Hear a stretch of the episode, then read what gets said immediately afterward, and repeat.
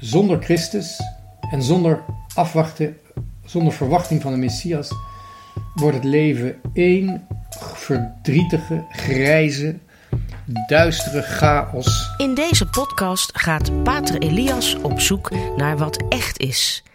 Hij gaat de uitdaging aan om een zo helder mogelijk beeld te vormen van hoe de wereld in elkaar steekt. Dit is de Pater Podcast. Vorige week heb ik u geprobeerd uit te leggen waarom ik liever niet naar een dode herdenking op 4 mei ga. De datum is wat mij betreft verkeerd en het thema is ook verkeerd. De oorlog in onze streken in West-Europa is afgelopen op 8 mei, niet op 5 mei. En verder is het niet het einde van de Wereldoorlog geweest, want die is pas in het naai, in, in, in, feite in augustus van het jaar 1945. In de Oost is hij geëindigd. En bovendien, 5 mei is alleen voor Nederland een bevrijdingsdag geweest, maar niet voor Midden-Europa en zeker niet voor Oost-Europa. Het is een beetje, ik zou bijna zeggen, wanstaltig of pretentieus om 5 mei de bevrijdingsdag te noemen.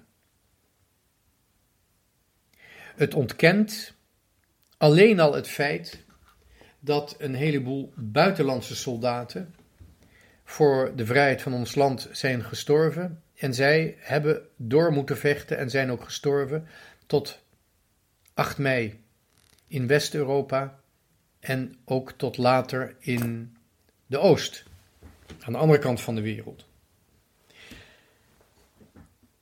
Politici die niet naar president Zelensky wilden toegaan om hem te ontvangen, omdat zij het misplaatst vonden dat hij op die dag ons bezocht. Ze hadden het wat mij betreft moeten omdraaien. De dag van de dodenherdenking is misplaatst. Niet het bezoek van Zelensky. Een mooi, of eigenlijk niet zo mooi teken van Hollandse polderkortzichtigheid om zo demonstratief een president niet te willen ontmoeten van een land dat aangevallen is. Een land dat een invasie heeft meegemaakt en die op een onvoorstelbaar moedige manier van zich af weet te vechten. Wie er, ook er, wie er wel ergens naartoe ging, maar dat mocht niet van een heleboel mensen. Dat was de hulpbisschop van Den Bosch, monsieur Mutsaerts. Die ging twee dagen later op zaterdag naar Breda voor een bijeenkomst van, jawel, jongeren van het Forum voor Democratie. En daar zou hij volgens velen niet naartoe hebben moeten gaan, want hij is al een erg rechtse bisschop en bovendien zijn er jongeren in het Forum voor Democratie die sympathiseren met fascistische ideeën. Nou heb ik nog nooit gehoord dat iemand die het evangelie moet verkondigen, ergens niet naartoe zou moeten gaan. Wie heeft het recht om anderen het recht te ontzeggen om het evangelie te horen? Om iets te horen over het geloof van de katholieke kerk? Er is zelfs een kleine protestdemonstratie geweest bij het bisdom in Den Bosch, maar dat was meer een afgang voor degenen die daar gingen protesteren. Een klein groepje van pensionada's, van wat oudere mensen, die waarschijnlijk de zestiger jaren nog in de bloei van hun leven hebben meegemaakt. En die vonden dat de bisschop daar niet naartoe moest. Hij is er naartoe geweest en ik geloof dat het verder een normale bijeenkomst is geweest, wel op een alternatieve plaats. Want de eerste plaats waar ze de bijeenkomst zouden houden, daar zijn ze weggebleven omdat de bijeenkomst zou worden geïntimideerd door de prominente bedweters van vandaag, de Intifada, de antifascistische beweging. Hoe dan ook, ik wil er even bij stilstaan. Bij de redenen die werden aangedragen dat bisschop Mutsaerts niet naar het Forum voor Democratie, oftewel de jongeren van het Forum Democratie, zou hebben moeten gaan. De reden die daar werd voor aangedragen is dat het Forum af en toe met ideeën van fascistische kleur komt. Dat zij af en toe enigszins gecharmeerd zijn door ideeën uit de fascistische hoek, of misschien zelfs wel neofascistisch zijn. Inderdaad, misschien choqueer ik u, maar dat klopt. En het is ook misschien de belangrijkste reden, zo niet de enige reden, dat binnen het Forum voor Democratie men zo ongelooflijk op een kritiekloze manier meekwaakt met de propaganda van Moskou. Sinds de revolutie is de geheime dienst die het communistische systeem eigenlijk bestuurd heeft, het communistische systeem was slechts een façade, de geheime dienst, oftewel de Tsjechisten, hebben Rusland geregeerd. En toen het communisme, de façade van het communisme viel en er niets meer aan te behalen viel, geen eer en ook geen geld aan te behalen viel, zijn die Tsjechisten erin geslaagd om de macht in Moskou over te nemen. Maar er moest ook iets van inhoud komen. De Tsjechisten houden van de duisternis, dus er moet een façade zijn. En de nieuwe façade van Rusland sinds het jaar 2000, dat zijn inderdaad neofascistische ideeën geweest. Wanneer je de ziel, als het ware, althans de ziel die ze aan, eraan proberen te geven, wanneer je kijkt naar de inhoud en de ideologie van het regime van Moskou sinds het jaar 2000, dan zie je heel duidelijk dat daar fascistische tendensen in zitten. Verheerlijking van een verleden, een idealisering van een verleden dat nooit echt bestaan heeft. Ten tweede, heel belangrijk, het leger is de kern van ik zou bijna zeggen, de ziel of de familie van het land. Buiten Moskou ligt een soort van Efteling. Maar als hoofdthema is er de oorlog. Je kunt daar als leuke attracties kun je in tanks rijden, je kunt daar schieten. Daar staat ook de kathedraal van het leger, een groot pompeus gebouw waar niet zozeer heilige worden gevierd, maar militaire overwinningen van Rusland, het oude Rusland en van de Sovjet-Unie. En ook is in Rusland eigenlijk, en dat is, dat is continu, dat was onder het communisme al zo, maar is nog steeds zo en nu helemaal uit het verband getrokken. De staatsreligie is eigenlijk wat daar wordt genoemd de grote patriotische oorlog. Dat wil zeggen, zonder enige kritiek op hoe die oorlog gevoerd is, wordt dat de referentie voor de eenheid van het Russische volk. We hebben gewonnen in de grote patriotische oorlog. En dat is dus de ziel eigenlijk van het regime, de verheerlijking van het militarisme en van een verleden wat nooit bestaan heeft. En uiteraard speelt de godsdienst daarbij een rol. En het is heel verrassend dat het Westen niet doorheeft wat er is gebeurd met die orthodoxe kerk. Met het patriarchaat van Moskou.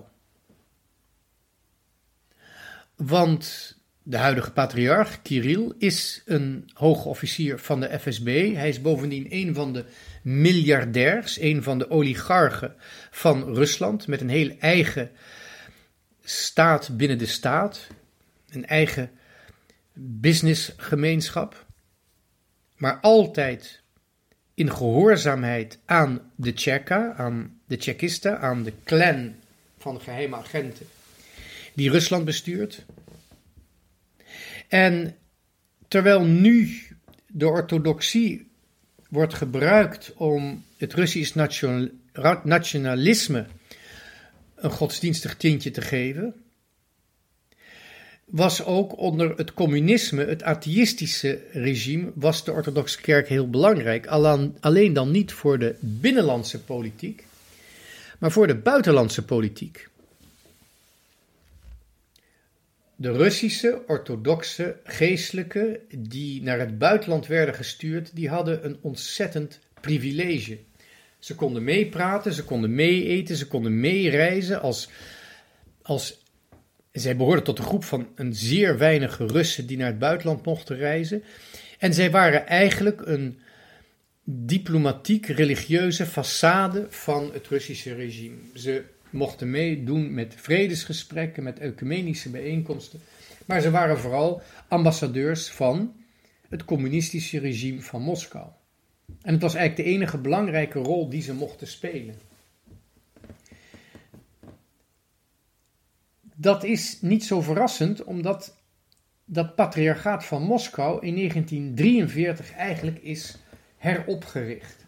Stalin had iets nodig om de Russen te motiveren als kanonnenvoer te dienen.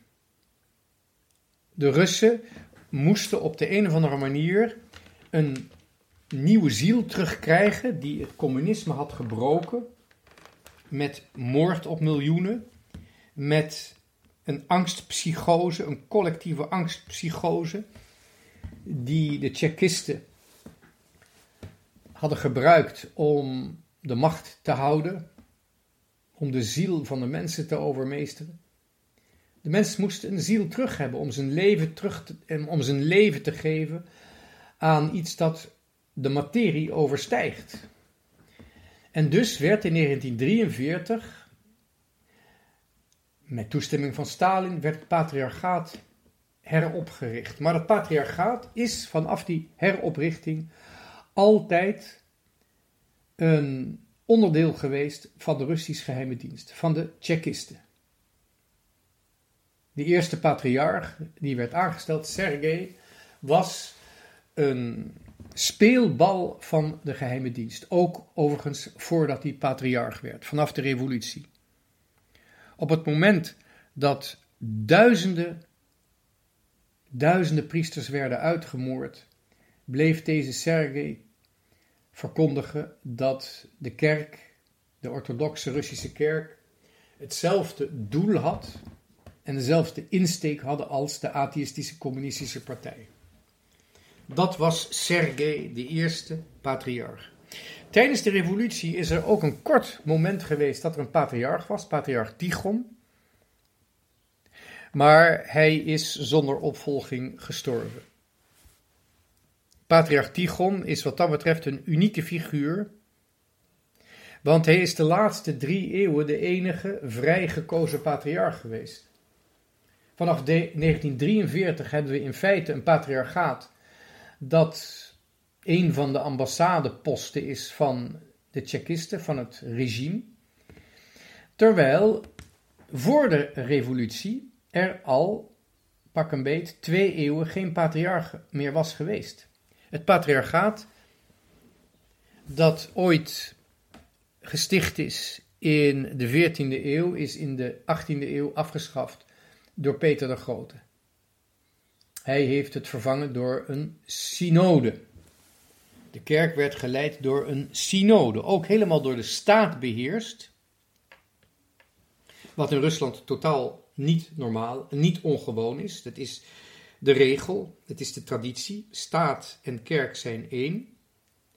Maar Peter de Grote, die toch enigszins dronken was van Franse ideeën en bovendien erg het voorbeeld van de Anglikaanse kerk bewonderde. Peter de Grote heeft de synode ingesteld. Dus ook wij katholieken, wij lopen achteraan met onze synodale weg. Anderen zijn ons voorgegaan, onder andere Peter de Grote, die voor zijn orthodoxe kerk een synodale weg instelde. Er was geen patriarch. Wat dat betreft hebben we vandaag te maken met een hele vreemde situatie want hoe serieus moet je het patriarchaat van Moskou nemen? Wat mij betreft is het een diplomatieke blunder geweest om dit patriarchaat zo serieus te nemen en uit te nodigen op het Tweede Vaticaans Concilie. Nota bene op voorwaarde dat het communisme niet veroordeeld zou worden.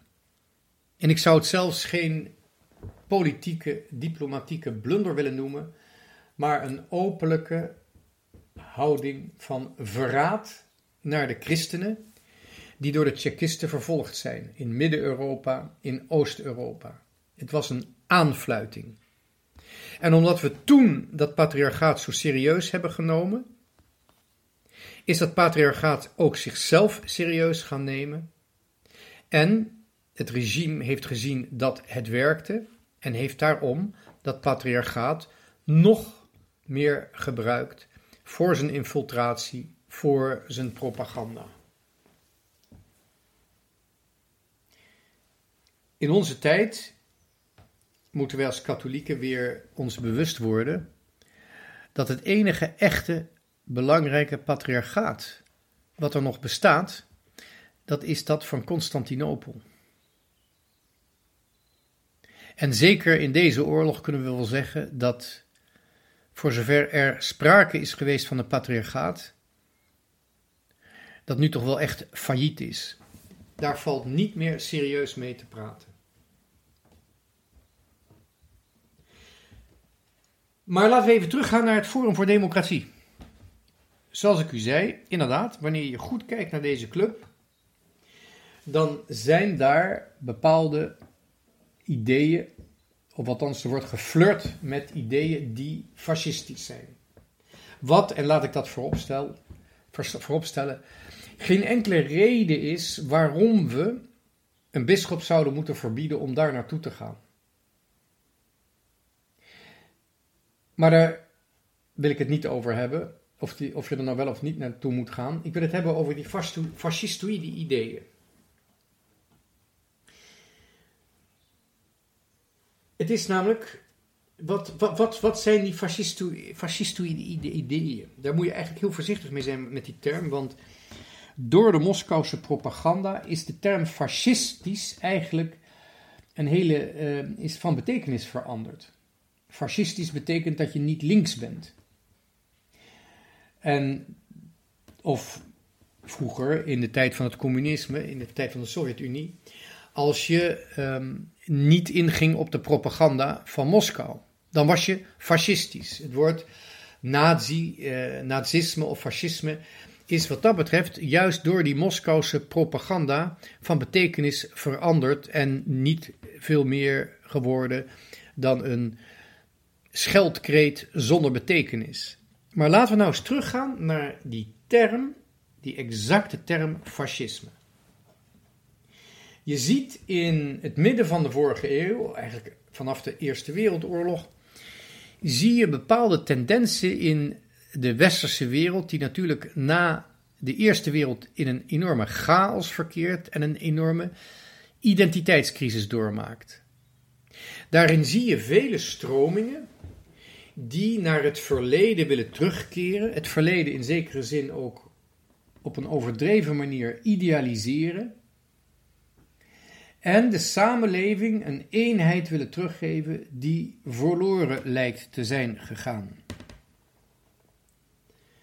En daarbij wil, willen die stromingen dan ook zowel aan het geloof als aan de oorlog een nieuwe betekenis geven.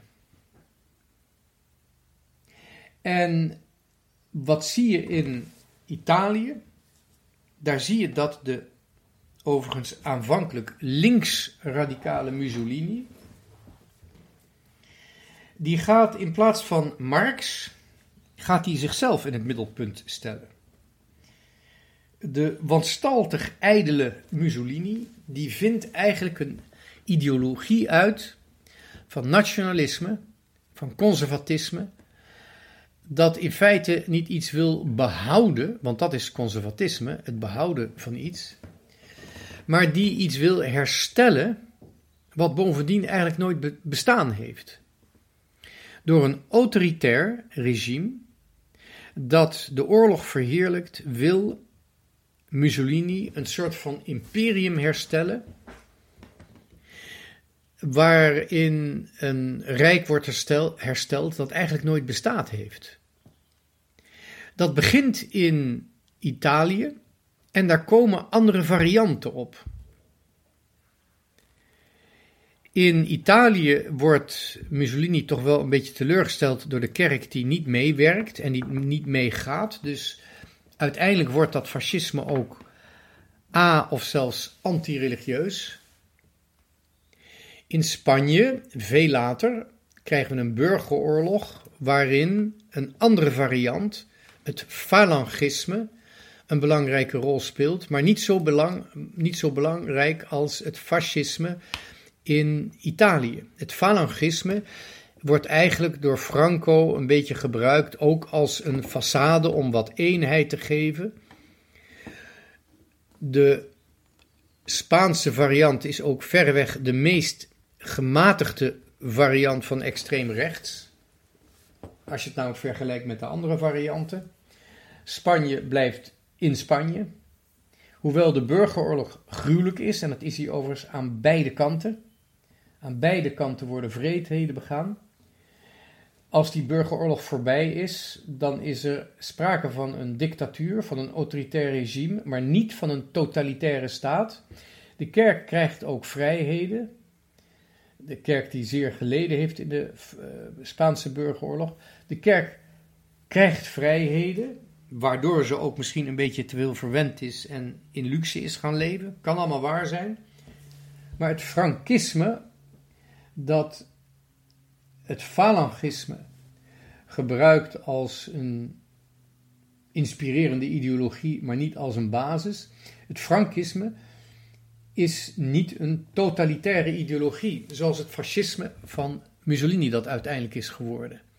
Mussolini begint ook andere landen aan te vallen, zoals Albanië en, en um, Abyssinië, oftewel Ethiopië. Je krijgt door heel Europa krijg je van die stromingen, die we nu ultrarechts noemen, waarin eigenlijk de glorie van de, van de verloren koninkrijken opnieuw hersteld moet worden. En uiteraard moeten we dan ook even naar Nazi-Duitsland kijken, want Nazi-Duitsland is eigenlijk een mengsel, een hele merkwaardige synthese van ultrarechts en ultralinks. Het is het nationaal socialisme, waar je in de Sovjet-Unie het internationaal of multinationaal, geen internationaal socialisme meer, maar multinationaal socialisme krijgt. Zo krijg je in, nazi, in het nazi-Duitsland krijg je het nationaal socialisme. Dat wil zeggen een mengsel van fascistische ideeën met linkse ideeën over volk en proletariaat en dan ook nog vermengd met Darwinisme, namelijk de evolutieleer. Opmerkelijk is dan in Duitsland de haat inderdaad tegenover het Joodse volk. En we, moeten, we komen toch, als we naar revolutionaire bewegingen kijken, komen we vanzelf ook het Joodse volk tegen. Want het is opmerkelijk dat in de meer linkse revolutionaire bewegingen, zoals het socialisme, hebben de Joden een belangrijke rol gespeeld. Het is eigenlijk heel vreemd dat de afgevallige christenen in het fascisme een vergelijkbare rol hebben gespeeld als de afvallige Joden, de atheïstische Joden, bij de linksrevolutionaire kant. Dat wordt op een hele evenwichtige en uitgebreide, gedetailleerde manier ook beschreven door Alexander Solzhenitsyn. Om een, om een mij niet bekende reden is dat boek, of die twee dikke pillen, uh, die in het Russisch zijn geschreven uiteraard, die zijn nooit vertaald, behalve in het Frans. De Franse vertalingen heb ik, uh, maar er zijn nooit Engelse vertalingen van gekomen. En Solzhenitsyn, stelt een heel eerlijk onderzoek in naar het communisme, het bolsjewisme dus, de Russische revolutie en de Joden. En je kunt daarin zien dat inderdaad heel veel communisten, disproportioneel veel communisten of bolsjewieken, waren Joden. Maar andersom was dat niet de meerderheid van de Joden. En bovendien, dus inderdaad, was er een um, Joodse minderheid in Rusland die een disproportioneel belangrijke rol heeft gespeeld in het organiseren en administreren van de revolutie. Overigens zijn vele van deze revolutionairen door Stalin later vermoord. Hoe komt dat? En ook wanneer je kijkt in het linkse denken in West-Europa en westelijke landen, zie je dat Joden daar, en dat zijn dan de afvallige Joden, de atheïstische Joden, ook daarin een belangrijke rol hebben gespeeld. En misschien is het tijd rijp, nu we in Moskou een regime ziet dat ongestoord door enige waarheidsgetrouwheid, ongestoord door enige rationaliteit, een regime dat het links-radicale communistische masker heeft afgelegd en ingewisseld heeft voor het rechtsradicale fascistische masker. Misschien is de tijd ook gekomen om ons die vraag eens te stellen. Hoe komt het dat afvallige christenen in de fascistoïde hoek terechtkomen en afvallige joden in de linksradicale hoek, de linksextremistische hoek? En eigenlijk is dat helemaal niet zo moeilijk om te verklaren. Immers, de Joden leven nog van een messiaanse verwachting. En wanneer Joden geloven, dan wachten ze daarop op een nobele, nederige manier.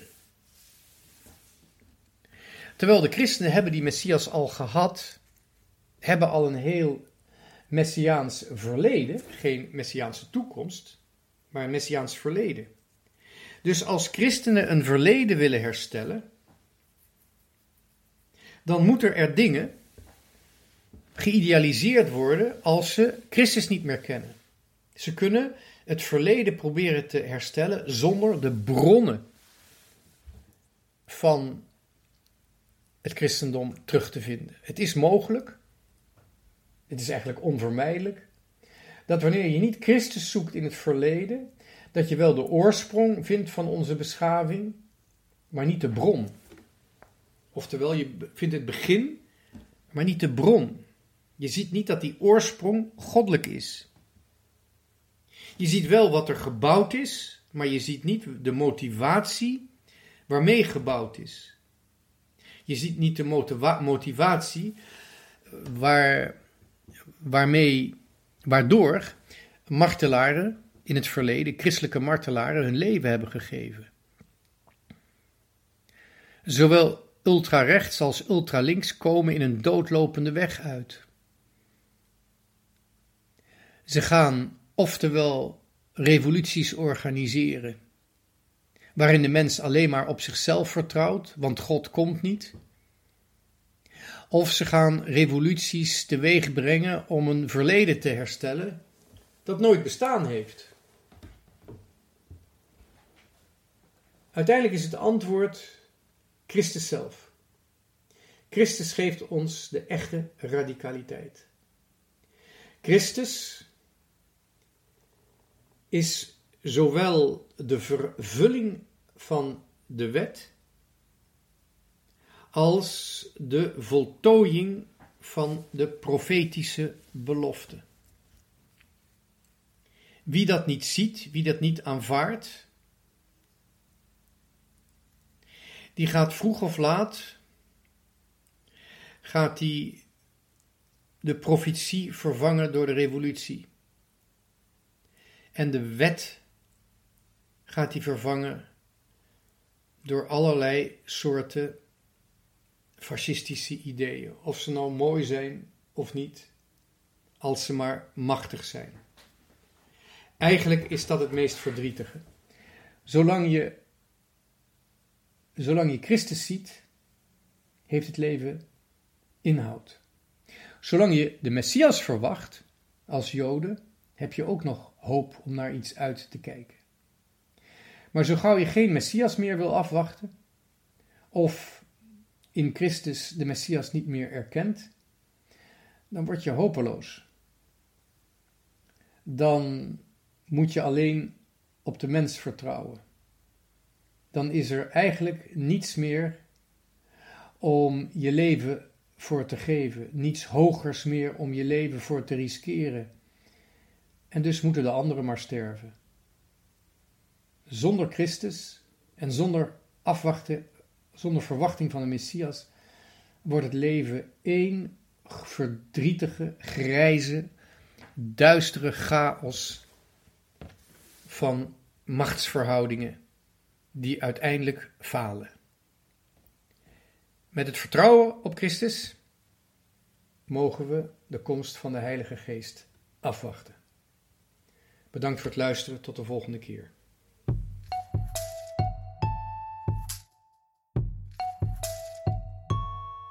Dit was de Radio Maria Pater Podcast met Pater Elias.